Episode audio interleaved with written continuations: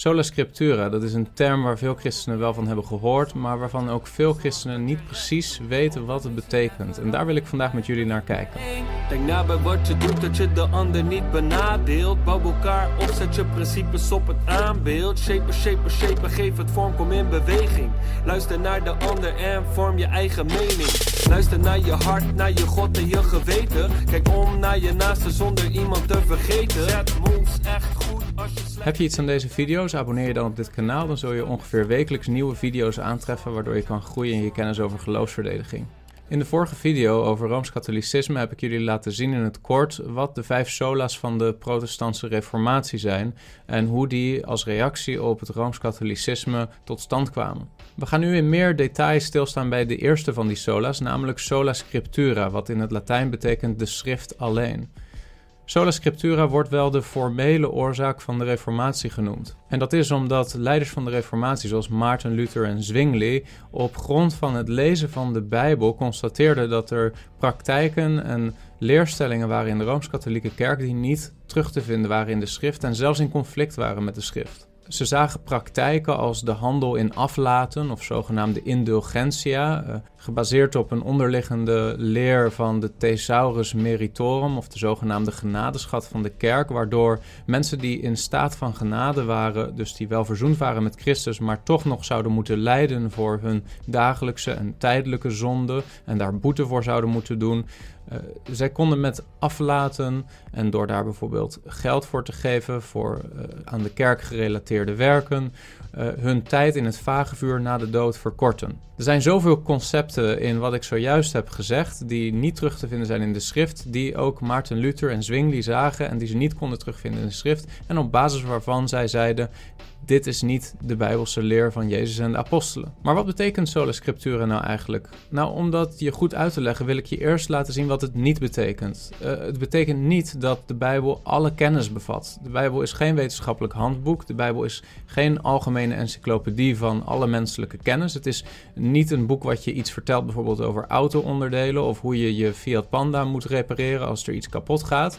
Dus met andere woorden, de Bijbel bevat niet alle kennis. Uh, ten tweede is het zo dat de Bijbel niet een uitputtende catalogus is van alle religieuze kennis. Uh, zelfs de Bijbel zelf zegt in Johannes 21, vers 25. En er zijn nog veel andere dingen die Jezus gedaan heeft. Als die ieder afzonderlijk beschreven zouden worden, dan zou, denk ik, de wereld zelf de geschreven boeken niet kunnen bevatten. Dus zelfs de Bijbel zelf geeft aan dat bijvoorbeeld de Heer Jezus meer dingen heeft gedaan dan wat beschreven staat in de Bijbel, eh, maar dat die dingen niet noodzakelijk zijn om te beschrijven in de Bijbel. Ten derde is sola scriptura geen ontkenning van het gezag van de kerk om Gods waarheid te onderwijzen. Eh, Paulus zegt in 1 Timotheus 3 vers 15, maar voor het geval dat ik langer wegblijf, weet u nu hoe men zich moet gedragen in het huis van God, dat is de gemeente van de levende God, zuil en fundament van de waarheid. Dus Paulus geeft aan dat de gemeente van God, de kerk, de zuil is, de pilaar is van de waarheid. Eh, dat wil niet zeggen dat de gemeente het recht heeft om de waarheid te bepalen of te definiëren, maar de gemeente is door God aangesteld om de waarheid te presenteren aan de wereld, om de waarheid zichtbaar te maken naar de wereld toe, om de waarheid zoals een zuil iets vasthoudt en omhoog houdt, zo moet de gemeente de waarheid omhoog houden, zodat de wereld die kan zien. Maar dat betekent dat onderwijl de gemeente zelf ook onderworpen blijft aan het gezag van die waarheid. De gemeente bepaalt de waarheid niet, maar is onderworpen aan de waarheid en presenteert die waarheid. Ten vierde is het niet zo dat Sola Scriptura ontkent dat het woord van God in bepaalde tijdsperioden gesproken is geweest en niet slechts geschreven. Uh, er zijn tijdsperioden geweest in de helsgeschiedenis waarin de prediking van de profeten het woord van God was en waarin de apostelen, terwijl zij predikten, het woord van God predikten. Ten vijfde is sola scriptura niet een ontkenning van iedere vorm of gebruikswijze van traditie. Er kunnen godsvruchtige overleveringen en tradities zijn die God eren en die nuttig zijn voor de gemeente. Sola Scriptura zegt niet dat iedere vorm van traditie per definitie verkeerd is, alleen traditie moet getoetst worden. Tot slot is Sola Scriptura geen ontkenning van de rol van de Heilige Geest in het leiden van de gemeente. Nu hebben we gekeken naar wat Sola Scriptura niet betekent, maar wat betekent het dan precies wel? De leerstelling van Sola Scriptura, eenvoudig geformuleerd, is dat de schrift alleen toereikend is om te functioneren als de regula fidei, of de onfeilbare regel van het geloof voor de kerk. Dat alles wat iemand moet geloven om een christen te zijn, te vinden is in de schrift en in geen andere bron. Eh, ten derde dat wat niet gevonden wordt in de schrift, ofwel direct of door noodzakelijke implicatie, dat is niet bindend voor de christen. Dus er zijn geen dingen buiten de schrift die voor de christen bindend zijn. Ten vierde, de schrift openbaart die dingen die noodzakelijk zijn voor verlossing. Er zijn geen dingen die je zou moeten weten die niet te vinden zijn in de schrift, die je nodig hebt om gered te worden. En tot slot moeten alle tradities onderworpen zijn aan het hogere gezag van de schrift. De leerstelling van Sola Scriptura is gebaseerd op de aard van de schrift, op datgene wat de schrift is, als het woord van God. De algenoegzaamheid of de toereikendheid van de schrift is eigenlijk alleen te begrijpen als we de oorsprong en de aard van de schrift goed begrijpen. De belangrijkste Bijbeltekst om Sola Scriptura te onderbouwen vinden we in Paulus' tweede brief aan Timotheus. Daar lezen we in 2 Timotheus 3, vers 14 tot 17 het volgende. Blijft u echter bij wat u geleerd hebt en waarvan u verzekerd bent, omdat u weet van wie u het geleerd hebt, en u van jongs af de Heilige Schriften kent die u wijs kunnen maken tot zaligheid door het geloof dat in Christus Jezus is. Heel de schrift is door God ingegeven en is nuttig om daarmee te onderwijzen, te weerleggen, te verbeteren en op te voeden in de rechtvaardigheid, opdat de mens die God toebehoort volmaakt zou zijn, tot elk goed werk volkomen toegerust.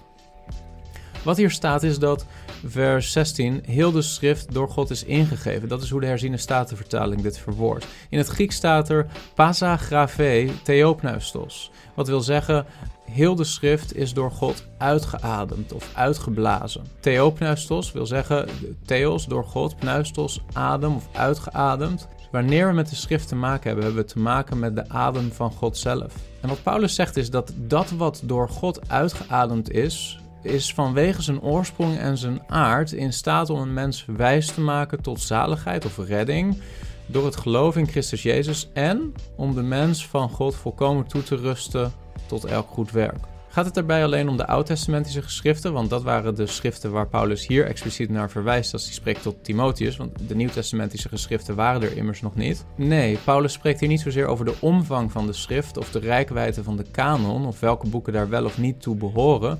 Paulus spreekt hier over de oorsprong en de hieruit voortvloeiende aard van de schrift, namelijk theopneustos door God uitgeademd en dus van oorsprong afkomstig van God. Hij zegt tegen Timotheus: Blijf bij wat je geleerd hebt, bij de boodschap van het evangelie die je ontvangen hebt van mij.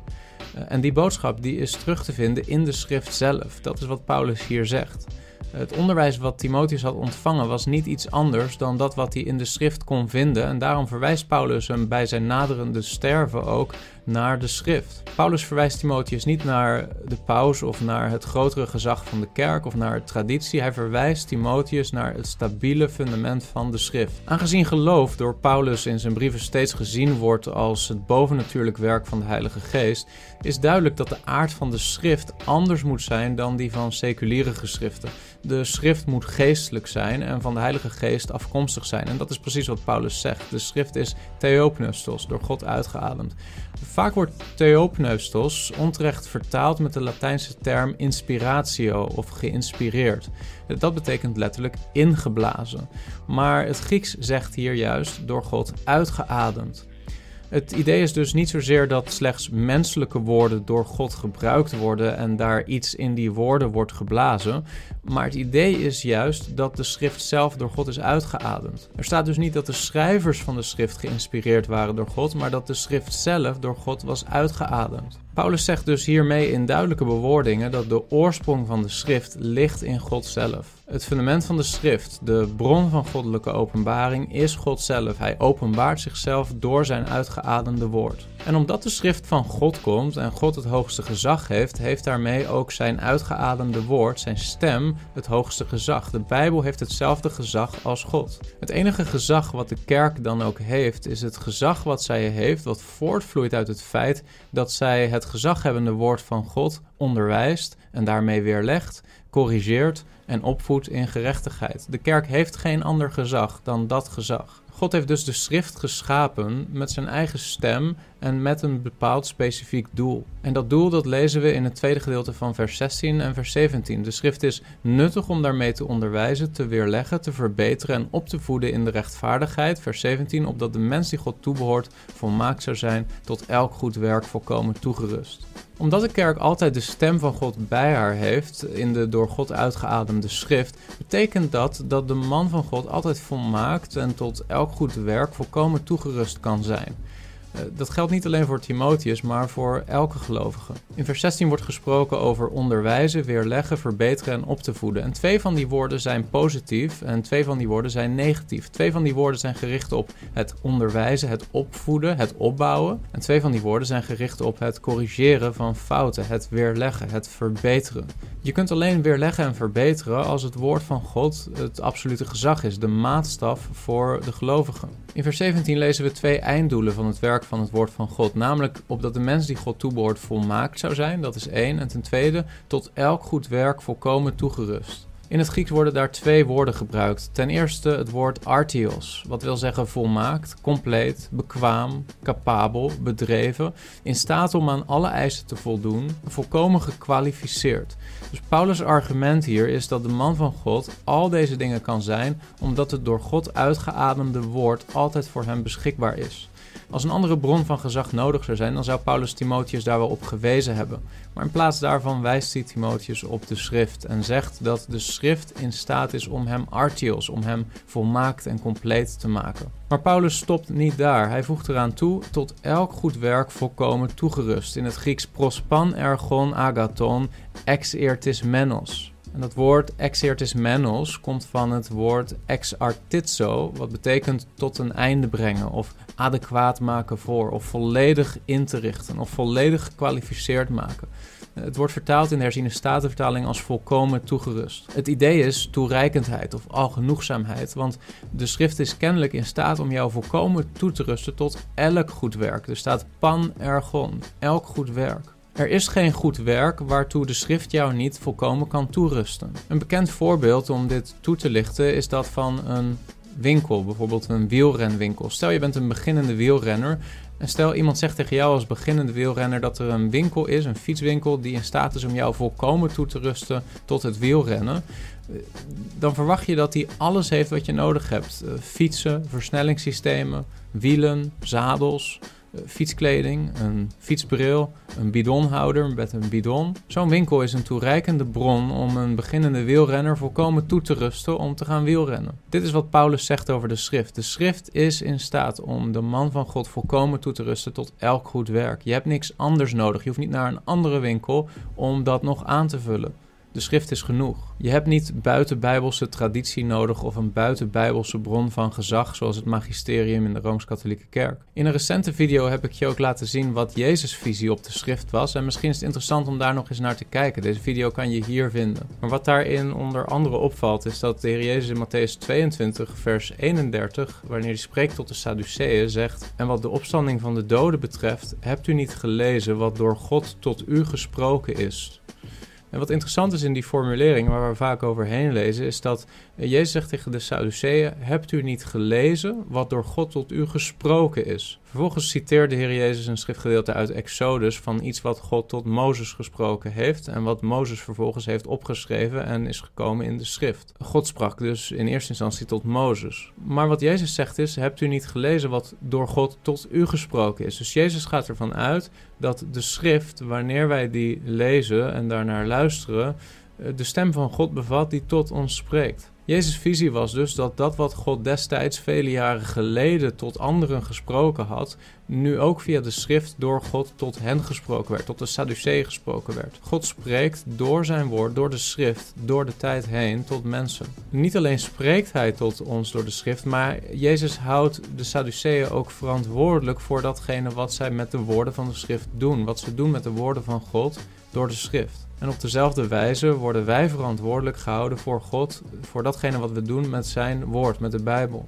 Tot slot iets over de schrift en traditie. Wat was Jezus' visie op traditie? Als we lezen in Matthäus 15, vers 1 tot 9, dan lezen we daar over een confrontatie tussen de fariseeën en de schriftgeleerden en de Heer Jezus en zijn discipelen. Er staat in vers 1, toen kwamen enige schriftgeleerden en fariseeën uit Jeruzalem bij Jezus en zeiden, waarom overtreden uw discipelen de overlevering van de ouden?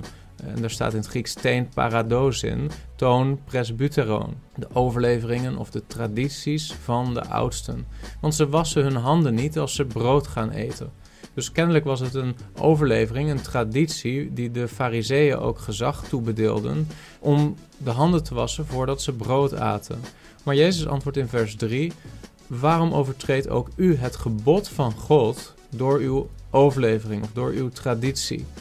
God heeft immers geboden: eer uw vader en uw moeder. En wie vader of moeder vervloekt, moet zeker sterven. Vers 5. Maar u zegt: wie maar tegen vader of moeder zegt: het is bestemd als offergave wat u van mij had kunnen krijgen. En zijn vader en moeder niet zal eren, met hem is het in orde. Er was onder de Fariseeën en de schriftgeleerden een traditie, of eigenlijk een hele verzameling van tradities, waarvan zij geloofden dat die terug te voeren was op Mozes, maar die niet in de oud-testamentische geschriften stond. Een van die tradities was de zogenaamde Korban-regel. Die regel stelde dat als jij je bezittingen aan de tempel gaf, dan mocht je dat doen in plaats van je bezittingen te gebruiken om je ouders in hun oude leeftijd financieel te ondersteunen. Voor de Fariseeën was dat een gezaghebbende regel, de Korban-regel, want het was immers iets wat voortvloeide uit goddelijke traditie. De heer Jezus zegt het volgende, vers 6. Zo hebt u door uw traditie of door uw overlevering het gebod van God, het woord van God, krachteloos gemaakt. Het is duidelijk dat volgens Jezus het woord van God, de schrift, meer gezag heeft dan de tradities van mensen.